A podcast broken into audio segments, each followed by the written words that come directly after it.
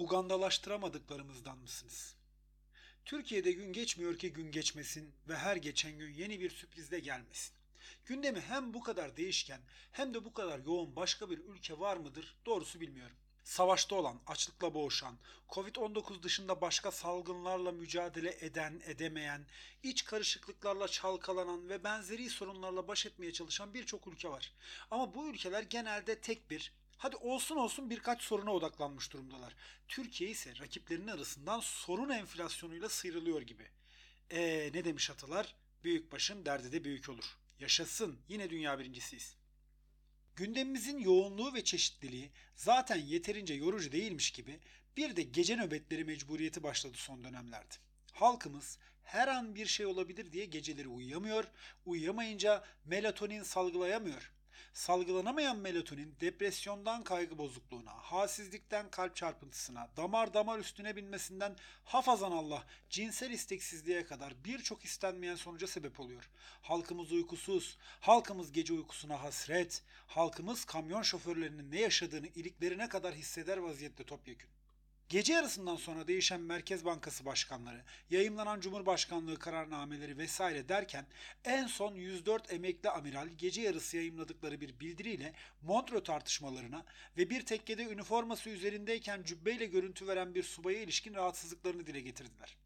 Önce minik bir aritmetik problemi yaşandı. Sayma sayıları konusunu hep birlikte tekrar ettik ve birer birer sayarak imzacı amiral sayısını netleştirdik alt alta yazılan isimler numaralandırılırken 53. sıra iki defa yazıldığı için başta 103 sanılan amiral sayısının aslında 104 olduğu anlaşıldı.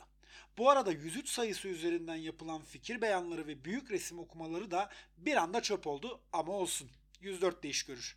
Çıkar sıfırı ne kaldı? 14. Görmek isteyene her sayıda, her harfte, her her her şeyde bir komplo teorisi var nasılsa. Amirallerin bildirisinin ardından bakanlıklardan tutun da ilçe tarım ve orman müdürlüklerine kadar tüm resmi kurumlar birer tweet marifetiyle bu darbe girişimini kınarken ifade özgürlüğü meselesi de bir kez daha gündeme geldi.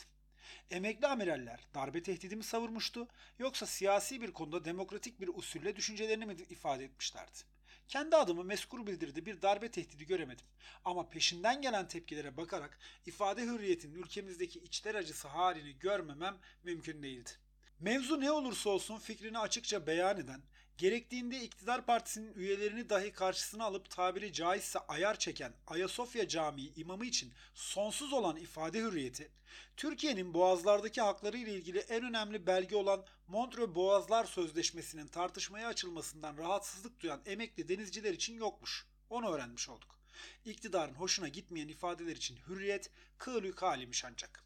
Temel amacı tam da muktedirler tarafından sakıncalı görülen düşüncelerin de ifade edilme olanağı bulmasını garanti altına almak olan ifade hürriyeti, Türkiye'nin de taraf olduğu Avrupa İnsan Hakları Sözleşmesi ile korunurken ülkemizde pek de korunabiliyormuş gibi görünmüyor.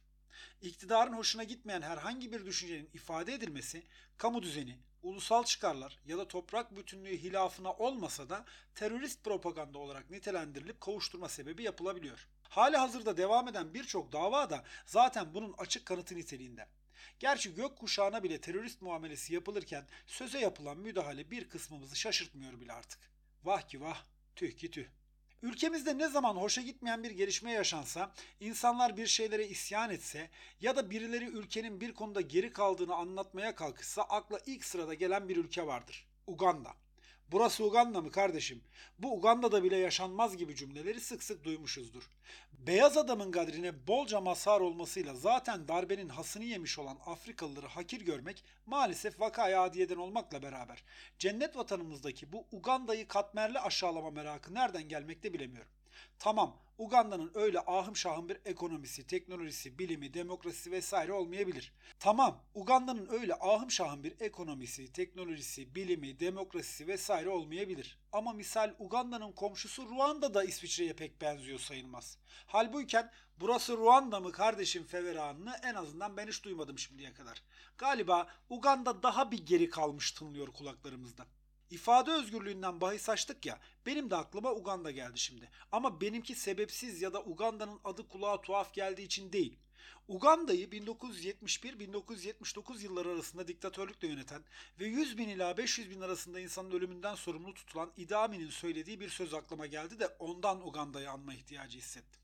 İngiliz sömürge ordusunda asker olarak başlayan kariyerine darbeci ve diktatör olarak devam ettikten sonra devrik diktatör olarak kendi ülkesi dışında ölen Idi Amin, ifade özgürlüğü konusunda kendisine yöneltilen eleştirilere gayet veciz bir şekilde cevap vermiş. Uganda'da ifade özgürlüğü var ama ifade ettikten sonra olacakları garanti edemem. Uganda Ulusal Kurtuluş Ordusu gerillaları tarafından devrilen Idi Amin'in ifade özgürlüğünün adının bile anılmadığı Suudi Arabistan'a sığınması da tarihin cilvelerinden biri tabii.